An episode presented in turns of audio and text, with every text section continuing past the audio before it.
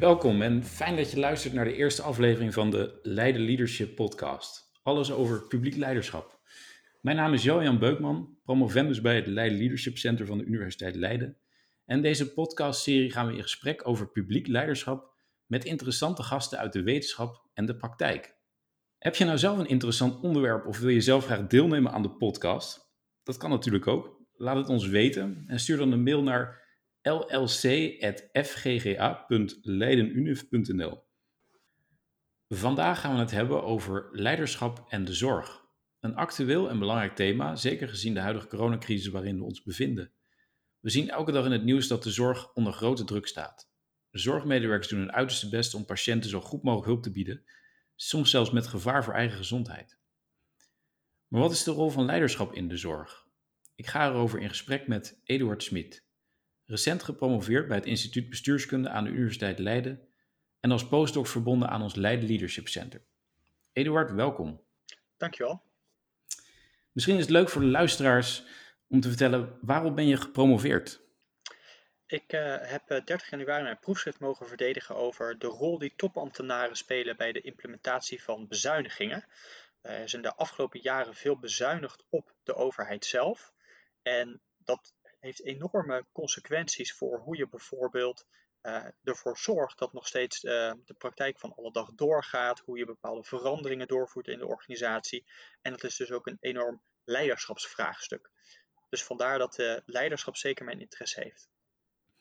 Oké, interessant. En, en nu leiderschap in de zorg. Waarom heeft dat jouw interesse? Nou, de zorg is sowieso natuurlijk een enorm belangrijke sector. Eh, een enorm interessante sector. En waarom ik denk dat leiderschap hier ook een belangrijke rol in speelt, is omdat dat veel vragen die wij uh, bestuderen in bestuurskunde, vragen over bijvoorbeeld samenwerking over de grenzen van organisaties heen, hoe je nieuwe manieren van werken bijvoorbeeld kan implementeren in organisaties, allemaal een leiderschapscomponent hebben. En zeker in de zorg wordt er eigenlijk continu ook gekeken naar hoe kunnen we de zorg verbeteren, dus hè, hoe kunnen we meer bieden aan de patiënt, maar ook hoe kunnen we zorgen dat bijvoorbeeld de kosten um, ja, niet verder stijgen. En dat is een enorm dilemma dat ook vraagt om steeds weer nadenken over bijvoorbeeld hoe gaan we eigenlijk verschillende doelen tegelijkertijd uh, behalen. Het klinkt uh, zeker interessant, uh, interessante context. laten we verder gaan met het volgende onderwerp: keuzes maken in de zorg. En nu wil ik het met name hebben over de, de ziekenhuizen. Er wordt gigantisch veel gevraagd van de zorg. En uh, personeel maakt overuren. Managers hebben te maken met uh, veel onzekerheid in deze tijd. Er is weinig informatie om beslissingen te nemen. En de situatie verschilt van dag tot dag. komt er een tweede golf aan? Hoe erg wordt dat? hoe moeilijk is het nou om leiding te geven met zoveel onzekerheid? Ja, ik denk dat je daar gelijk in hebt. Ik moet ik zeggen, ik heb enorm veel respect voor wat er in de zorg nu allemaal wordt gedaan in uh, dit coronatijdperk en ook hoe snel veranderingen eigenlijk plaatsvinden. Want wat uh, van het leiderschapsoogpunt eigenlijk het meest, ver, misschien wel verrassende of het meest bijzonder is aan deze situatie, is dat de situatie echt heel veel vraagt van de organisatie om heel snel te kunnen opschalen. Bijvoorbeeld heel snel te zorgen dat er meer plekken op de intensive care zijn. En tegelijkertijd, op het moment dat de situatie verandert, wordt er heel snel gevraagd om daar weer op in te spelen. Bijvoorbeeld nu de reguliere zorg ook weer op gang moet komen. Dus constant moet er eigenlijk met weinig informatie uh, beslissingen worden genomen. En dat betekent dus ook dat er beslissingen moeten worden genomen die elke dag het werk net een beetje anders kunnen maken. En leiderschap speelt daar een belangrijke rol, namelijk om bijvoorbeeld heel goed duidelijk te maken aan uh, zorgprofessionals waarom er vandaag op een andere manier gewerkt gaat worden dan bijvoorbeeld gisteren. Uh, waarom bijvoorbeeld bepaalde richtlijnen ook aangepast worden. Waarom er ander beleid is op dat moment. Uh, tegelijkertijd is er ook voor die professionals natuurlijk veel onzekerheid in die situatie. Het is ook een virus wat, we, uh, wat nieuw is, wat we natuurlijk nog niet heel goed kennen. Ehm, dus is het ook heel belangrijk, denk ik, in zo'n ziekenhuis om constant je medewerkers uh, te motiveren, oog te hebben ook voor hun zorgen die ze bijvoorbeeld hebben. Word ik zelf ziek? Uh, uh, kunnen we het werk aan?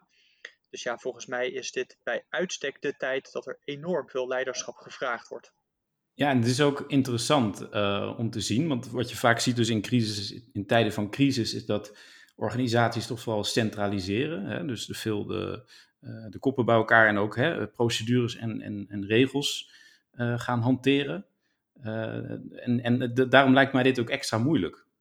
Ja, wat, wat je eigenlijk vaak ziet bij een crisis, en dat is bijvoorbeeld ook zo bij eh, bezuinigingen, waar ik dan zelf eerder onderzoek naar heb gedaan, is dat de besluitvorming gecentraliseerd wordt en dat maar een heel klein groepje van bijvoorbeeld uh, bestuurders of managers beslissingen neemt die consequenties hebben eigenlijk voor heel veel mensen. Maar tegelijkertijd heb je eigenlijk in deze crisis juist misschien ook wel een nou ja, bijna tegenovergestelde reactie. Namelijk omdat er zoveel onzekerheid is, Ehm, kan het ook zo zijn dat er juist nog meer ruimte is voor zorgprofessionals uh, en nog meer gevraagd wordt van zorgprofessionals om zelf keuzes te maken. Dus je zou ook heel goed kunnen hebben dat je juist nu meer discretionaire bevoegdheid hebt. En dat vraagt ook enorm veel van bijvoorbeeld die zorgprofessional. We weten bijvoorbeeld uit eigen onderzoek in het uh, sociaal domein dat als je uh, ambtenaren bijvoorbeeld meer ruimte geeft om beslissingen te nemen, dat dat aan de ene kant op uh, enthousiasme kan rekenen. Autonomie is dan eigenlijk het, uh, toverwoord. En mensen vinden het fijn om zelf beslissingen te kunnen nemen. En tegelijkertijd heeft juist meer ruimte ook als consequentie dat er meer onzekerheid komt. Namelijk de vraag: doe ik wel het juiste? Doe ik het wel op de juiste manier? Dus dat is een enorme spanning waar je mee te maken hebt. En daarop aansluitend, uh, we kennen natuurlijk allemaal de, de indrukwekkende beelden uit Italië, uh, die nog op het netvlies staan. Ja, ja. Uh, ziekenhuismedewerkers in, in Bergamo, die, die huilend voor de camera vertellen hoe ze in een split second moeten bepalen wie leeft en overlijdt. het lijkt me typisch zo'n zo'n voorbeeld van een morele keuze die een professional moet maken in een crisistijd. Is dit ook waar je het over hebt, dat leiderschap hierin ook een belangrijke rol kan spelen? Nou, ik denk dat we in Nederland gelukkig uh, het nog op zo'n manier hebben kunnen organiseren dat we, uh, zeker door die enorm snelle opschaling van het aantal intensive care bedden, hopelijk uh, nou ja, de situaties zoals Bergamo niet meegemaakt hebben en niet mee gaan maken. Ehm, dus wat dat betreft zijn we, zitten we natuurlijk misschien wel in een net wat andere situatie. Maar ook hier geldt wel dat elke dag weer artsen dus beslissingen moeten nemen over patiënten. Ehm, en dat doe je dus met uh, weinig informatie over, uh, over hoe die ziekte zich bijvoorbeeld gaat ontwikkelen. Uh, en ja, daar kan je dus inderdaad ook soms een beslissing moeten hebben van wie wel en wie niet op de IC, waar ook allerlei draaiboeken wel voor gemaakt zijn en waar het natuurlijk ook veel discussie over was. Ik ben in ieder geval heel blij dat die Italiaanse scenario's ons bespaard zijn gebleven. Want nou ja, dat vraagt zoveel ja, je zou kunnen zeggen, zoveel incasseringsvermogen ook voor, voor mensen. Uh, ik, ik, ik, kan me niet eens voorstellen hoe moeilijk dat moet zijn. Ja, inderdaad. Dat is uh, heel begrijpelijk dat dat natuurlijk een verschrikkelijke situatie is om keuzes in te maken. Um, en dan hebben we natuurlijk wel in Nederland natuurlijk ook afwachten wat een eventuele tweede golf teweeg brengt, of een derde golf. Dus in die zin is er ook nog wel veel onzekerheid, zou je kunnen zeggen. Uh, dus ja, die, die situatie zal hier dus ook nog wel even voordoen. Dat er zo moet worden gewerkt op die manier, zoals je aangeeft. Ja, het belangrijkste is eigenlijk dat we nu continu in de gaten gaan houden. Uh, hoeveel mensen uh, komen erbij in het ziekenhuis? Hoe verspreidt de infectie zich? Uh, en dat betekent dus ook dat het ziekenhuis, in het ziekenhuis zelf eigenlijk er constant gekeken moet worden. Kunnen we de reguliere zorg bijvoorbeeld nu juist opschalen? Of, of moeten we nog even wachten? Moeten we het aantal IC-bedden weer opschalen? Wat ik denk dat er bij heel veel uh, zorginstellingen in Nederland gaat gebeuren in de, in de komende tijd, is dat eigenlijk de lessen die getrokken kunnen worden uit deze crisis ook gebruikt gaan worden om steeds verder na te denken over hoe kunnen we het adaptief vermogen van, van een zorginstelling nou vergroten. Dus hoe kunnen we onszelf zo organiseren dat we in een mum van tijd onze capaciteit vergroten, maar ook op het moment dat bijvoorbeeld de situatie wat stabieler is, weer wat terug kunnen schakelen. En wat daar bijvoorbeeld ook heel belangrijk voor is, is dat we goed nadenken over hoe we eh, personeel inzetten. Wat je nu bijvoorbeeld zag gebeuren, is dat er ook personeel op IC's gezet werd, wat daar normaal gesproken niet werkt. Het is heel belangrijk dat we bijvoorbeeld ook onderzoek gaan doen naar goh, mensen die opeens op zo'n afdeling komen te werken. Waar lopen die tegenaan? Hoe zouden we deze mensen in het vervolg bijvoorbeeld nog beter kunnen voorbereiden als zij weer in zo'n situatie terecht zouden komen? Ja, dus het is heel belangrijk dat een organisatie leert van, van deze situatie. Uh, zich blijft ontwikkelen, uh, maar ook goed naar zijn mensen, naar zijn professionals luistert ook, hè, die, die in-house zijn, ja. maar ook extern natuurlijk. Um, maar het is ook ontzettend lastig om in zo'n crisistijd te transformeren, denk ik. Hè? Het is lastig om, om zo flexibel te zijn. Ja, zeker. Ja. En dat heeft er natuurlijk mee te maken, wat ik eerder al zei, dat er veel onzekerheid ook is uh, over hoe alles zich gaat ontwikkelen. Maar waar dat zeker ook mee te maken heeft, is dat je uh, als zorginstelling natuurlijk niet in een vacuüm opereert. Je bent juist als zorginstelling ook enorm verbonden met heel veel andere organisaties. Dus je moet ook zorgen dat je, uh, ja, wat we dan in de bestuurskunde interorganisationele samenwerking uh, hebt, die op een goede manier is vormgegeven. Ehm, en daarmee bedoel ik eigenlijk dat je uh, moet samenwerken bijvoorbeeld met verpleeghuizen, met revalidatiecentra. Je moet heel goed kunnen afstemmen onderling uh, wanneer een patiënt van intensive care bijvoorbeeld weer ergens anders heen gaat. Maar ook als ziekenhuizen onderling uh, heb je bijvoorbeeld gezien in de situatie in, in Brabant, waar het enorm druk werd natuurlijk uh, op de IC's, waar het, waarvan ze zeiden, ja die situatie is eigenlijk onhoudbaar. Dat vroeg ook weer dat er goed werd samengewerkt met andere ziekenhuizen, bijvoorbeeld in het noorden van het land, Ehm, zodat we op het juiste moment patiënten ook weer op andere plekken konden onderbrengen. Dus die samenwerking die is essentieel. Ja, dat, ik, eh, dat lijkt me zeker eh, een belangrijk punt om te noemen. En je ziet zelfs ook al dat het over de grens gaat. In Duitsland, het ziekenhuis van, van Münster bijvoorbeeld, die een aantal Nederlandse coronapatiënten heeft opgenomen. dus ook al die landelijke samenwerking, dat is mooi om te zien. Ja, zeker. Uh, jij, jij, hebt ook meegewerkt aan een onderzoek in, in Rotterdam uh, naar daklozen in, in deze crisistijd en hoe partijen met elkaar samenwerken. Kun je daar iets meer over vertellen? Ja, zeker. Ja, wat je eigenlijk ziet uh, natuurlijk is dat dak- en thuislozen is, zijn gewoon een hele kwetsbare groep. En dat zijn ze sowieso al. Ze hebben natuurlijk geen huis of geen plek om nou ja, naartoe te gaan. En zeker in deze crisis is dat natuurlijk extra gevaarlijk. Um, want juist als dit een groep is die ook door de hele stad eigenlijk heen gaat, hebben ze de kans dat ze en makkelijker het oplopen of makkelijker mensen aansteken als ze inderdaad geïnfecteerd zijn. Maar het is ook een groep die niet alleen uh, dit risico heeft, maar ook nog te maken heeft met bijvoorbeeld uh, uh, verslavingszorg die ze nodig hebben. Um, dus het is een groep die je eigenlijk heel goed moet bedienen en heel goed moet proberen te helpen. Uh, voor hun eigen bestwil, maar eigenlijk ook voor de maatschappij in zijn geheel. En je ziet nu bijvoorbeeld uh, uh, dat er dus heel veel wordt gezocht naar manieren waarop je dat eigenlijk goed kan organiseren. Dus hoe kan je ervoor zorgen dat bijvoorbeeld een GGD en straatdokters, de gemeente, opvangcentra, dat die allemaal goed samenwerken. En wat dan heel mooi is om te zien, en dat klinkt bijna een beetje cru, maar juist doordat deze crisis zo'n enorme impact heeft, heeft en dat de vraagstukken zo urgent zijn om bijvoorbeeld goed samen te werken, dat ook heel veel uh, eigen belangen als het ware overboord even worden gezet. Om dus maar uh, voor dat grotere plaatje, uh, zorgen dat het virus zich niet verder verspreidt, om dat doel maar met z'n allen te halen. Ja, ik, ik hoor daar eigenlijk ook in uh, dat partijen met elkaar samenwerken om, om, om die maatschappelijke meerwaarde te bereiken. Hè? Dus niet eigenlijk iedere partij voor zich en eigen performance doelen halen, zou je kunnen zeggen.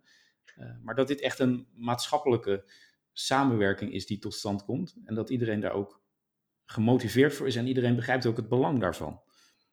Ja, ik denk dat dit bij uitstek een situatie is waar je uh, normaal gesproken wellicht organisaties hebt die ehm, nou in competitie zijn met elkaar, bijvoorbeeld om geld van de gemeente. Um, en die in deze situatie dus dat soort zaken juist parkeren um, en met z'n allen samenwerken aan een, aan een hoger doel. Uh, en ook hier speelt leiderschap eigenlijk weer een hele belangrijke rol. Want juist leiderschap juist eigenlijk dat hogere doel ook duidelijk maken aan medewerkers in de organisatie, aan de buitenwereld. Um, dat is enorm belangrijk om te zorgen dat iedereen ook over de grenzen van de eigen organisatie uh, gaat kijken. Um, wat heel belangrijk daarbij wel is, is dat uh, eigenlijk dat, dat leiderschapsvraagstuk ook nou ja, wordt bekeken en wordt erkend op meerdere niveaus. Um, op bestuurlijk niveau is het namelijk heel belangrijk dat er inderdaad draagvlak is om samen te werken met andere organisaties. Tegelijkertijd is het wel belangrijk dat er ook wordt nagedacht over hoe dat samenwerken tussen allemaal organisaties en soms ook tussen uh, verschillende type professionals, uh, hoe dat wordt ingepast in de dagelijkse manier van werken. Dus ook daar weer zie je weer uh, leiderschapsvraagstukken terugkomen. Ja, dus het is belangrijk om de neuzen dezelfde kant op te krijgen en dus gezamenlijk aan een, aan een doel te werken. en daar ook overeenstemming over hebben, wil de samenwerking succesvol zijn. Ja, al is dat natuurlijk in deze situatie uh, in die zin niet zo moeilijk om dat gemeenschappelijke doel uh, te vinden en dat, uh, dat serieus te nemen. omdat iedereen natuurlijk doorheeft dat ja, dit is zo'n zo'n gigantische operatie waar we mee bezig zijn. Ehm, wat ik wat dat betreft ook interessant vind om te zien, is dat ook bijvoorbeeld hotels in die zin een, een, steentje bijdragen door bijvoorbeeld daklozen op te vangen. wat uiteindelijk ook uh, helpt natuurlijk om te zorgen dat als daklozen inderdaad een plek hebben om, om naartoe te gaan, uh, ja, dan is er ook weer de minder kans dat zij zelf besmet raken of anderen besmetten met het virus. Mooi om te zien hoe verschillende organisaties een duit in het zakje doen in deze crisistijden. Zeker. Uh, we zien verder ook dat zorgpersoneel met gigantisch veel enthousiasme en, en doorzettingsvermogen hun werk doen. Uh, moet zorgpersoneel nog worden gemotiveerd in deze crisistijd of gaat het eigenlijk vanzelf?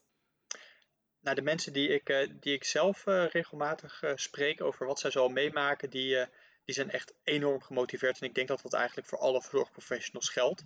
Ik denk wel dat ze ook tegelijkertijd veel zorg hebben. Dat zie je ook wel aan het nieuws bijvoorbeeld. dingen als zijn er voldoende hulpmiddelen zoals mondkapjes of bijvoorbeeld veiligheidsbrillen. ja, dat maakt het werk nog wat onzekerder dan het al was. Um, maar je, ja, ik denk dat je daar dus ook weer dat, uh, dat leiderschapsvraagstuk misschien wel weer terugziet. Um, van zorgprofessionals wordt dus verwacht om in die moeilijke omstandigheden alsnog de best mogelijke zorg te bieden. Um, en dan zal je altijd zien dat er weer uh, mensen zijn die op de werkvloer een voorbeeldrol innemen. En op die manier ook zorgen dat ondanks alle moeilijke omstandigheden, ondanks dat het heel zwaar kan zijn, mensen blijven doorgaan met hun belangrijke werk. Dus er is een gigantische bereidwillendheid ook onder het zorgpersoneel, wat we natuurlijk allemaal zien, ondanks de angst die er heerst. En daar zal inderdaad ook leiderschap dus een belangrijke rol bij moeten spelen. Dus in hoe, hè, hoe hou je je zorgpersoneel ook op de been? Uh, omdat zij juist zo, hè, zo hard aan het werk zijn in deze tijd, uh, dat ze eigenlijk hè, misschien ook niet altijd op zichzelf kunnen letten en, en vol voor, voor het helpen gaan van onze samenleving. Ja, eh, wat dat betreft vind ik het ook wel weer hartverwarmend om te zien dat er uh, zoveel initiatieven zijn om ook bijvoorbeeld zorgpersoneel uh, een hart onder de riem te steken of bijvoorbeeld te helpen. restaurants die gratis maaltijden aanbieden voor bijvoorbeeld de, mensen die in de zorg werken. Dat vind ik dan mooie dingen. Het is maar heel klein, maar hopelijk helpt dat ook een beetje om iedereen eigenlijk door deze crisis heen te krijgen. Ja, zeker. Want het is natuurlijk ook de verantwoordelijkheid van de burger ook om zich natuurlijk ook uh, toch, toch een beetje aan die regels te houden. Om toch erover na te denken dat we natuurlijk hè, dat zorgpersoneel hard aan het werk is om deze uh, crisis te bestrijden en om mensen te helpen. Uh, en, en dat we daarvoor ook niet hè, massaal de regels aan, aan de laars lappen, zo gezegd. Nee, ik kan me heel goed voorstellen dat voor zorgpersoneel het in die zin echt wel demotiverend is uh, als zij bijvoorbeeld zien dat mensen de anderhalve meter afstand uh, niet in acht houden, uh, dat mensen als het even lekker weer is massaal de wielrenfiets pakken. Ehm, dat is natuurlijk iets wat, wat natuurlijk, ja, waar bijvoorbeeld in, ja, waar je gewoon denk ik niet blij mee bent als je in de zorg werkt. En trouwens ook als je buiten de zorg bent, want ik ben er ook niet blij mee als ik in de buurt zie dat er veel te veel mensen in het park zitten. Uh, ja, het is inderdaad belangrijk dat iedereen zich ervan bewust is uh, dat we ons aan deze regels moeten houden in deze tijd en dat we het samen moeten doen. Uh, dat is misschien mooi om af te sluiten, Eduard, voor deze ja. aflevering. Ja, en ik denk zeker ja, dat, dat samen doen, dat is wel iets wat, wat misschien wel een, mijn slotpleidooi zou, zou zijn. Ehm, het samen doen geldt natuurlijk voor dingen als we moeten ons samen aan de regels houden. Uh, maar samen doen betekent ook uh, in eigenlijk deze hele situatie. Uh, we moeten eigenlijk expertises van heel veel verschillende gebieden proberen te combineren. Want het is een medisch vraagstuk nu natuurlijk, het coronavirus. Maar het is ook een economisch vraagstuk. Het is ook een vraagstuk ehm, wat straks allerlei andere implicaties heeft. Dus ehm, we hebben medische kennis nodig, we hebben bestuurskundige kennis nodig, we hebben kennis over leiderschap nodig, over de economie. dus juist nu is het denk ik een tijd om echt samen multidisciplinair uh, aan de slag te gaan met alle grote uitdagingen die er, uh, die er liggen. Nu en uh, ook nou ja, als het weer wat rustiger is. Dat lijkt me een mooie boodschap om mee af te sluiten. laten we afwachten hoe de situatie zich verder gaat ontwikkelen. En dat we vooral veel mogen leren van, van deze coronacrisis. To be continued, zou ik zeggen. Eduard, heel veel succes met al het onderzoek en natuurlijk ook al je werkzaamheden die je verder doet. Wat ik nog verder wil zeggen tegen de luisteraars, je kunt ons op Twitter volgen via twitter.com slash leadershiplu. En natuurlijk op onze LinkedIn-pagina uh, van het Leiden Leadership Center. Volgende keer gaan we in gesprek met Aukje Nauta, organisatiepsycholoog en bijzonder hoogleraar Enhancing Individuals in a Dynamic Work Context. Dat zal dan in een iets andere vorm zijn. Uh, we gaan dan een uh, webinar houden. En nou, hou onze informatiekanalen in de gaten en blijf ons volgen. Tot de volgende podcast.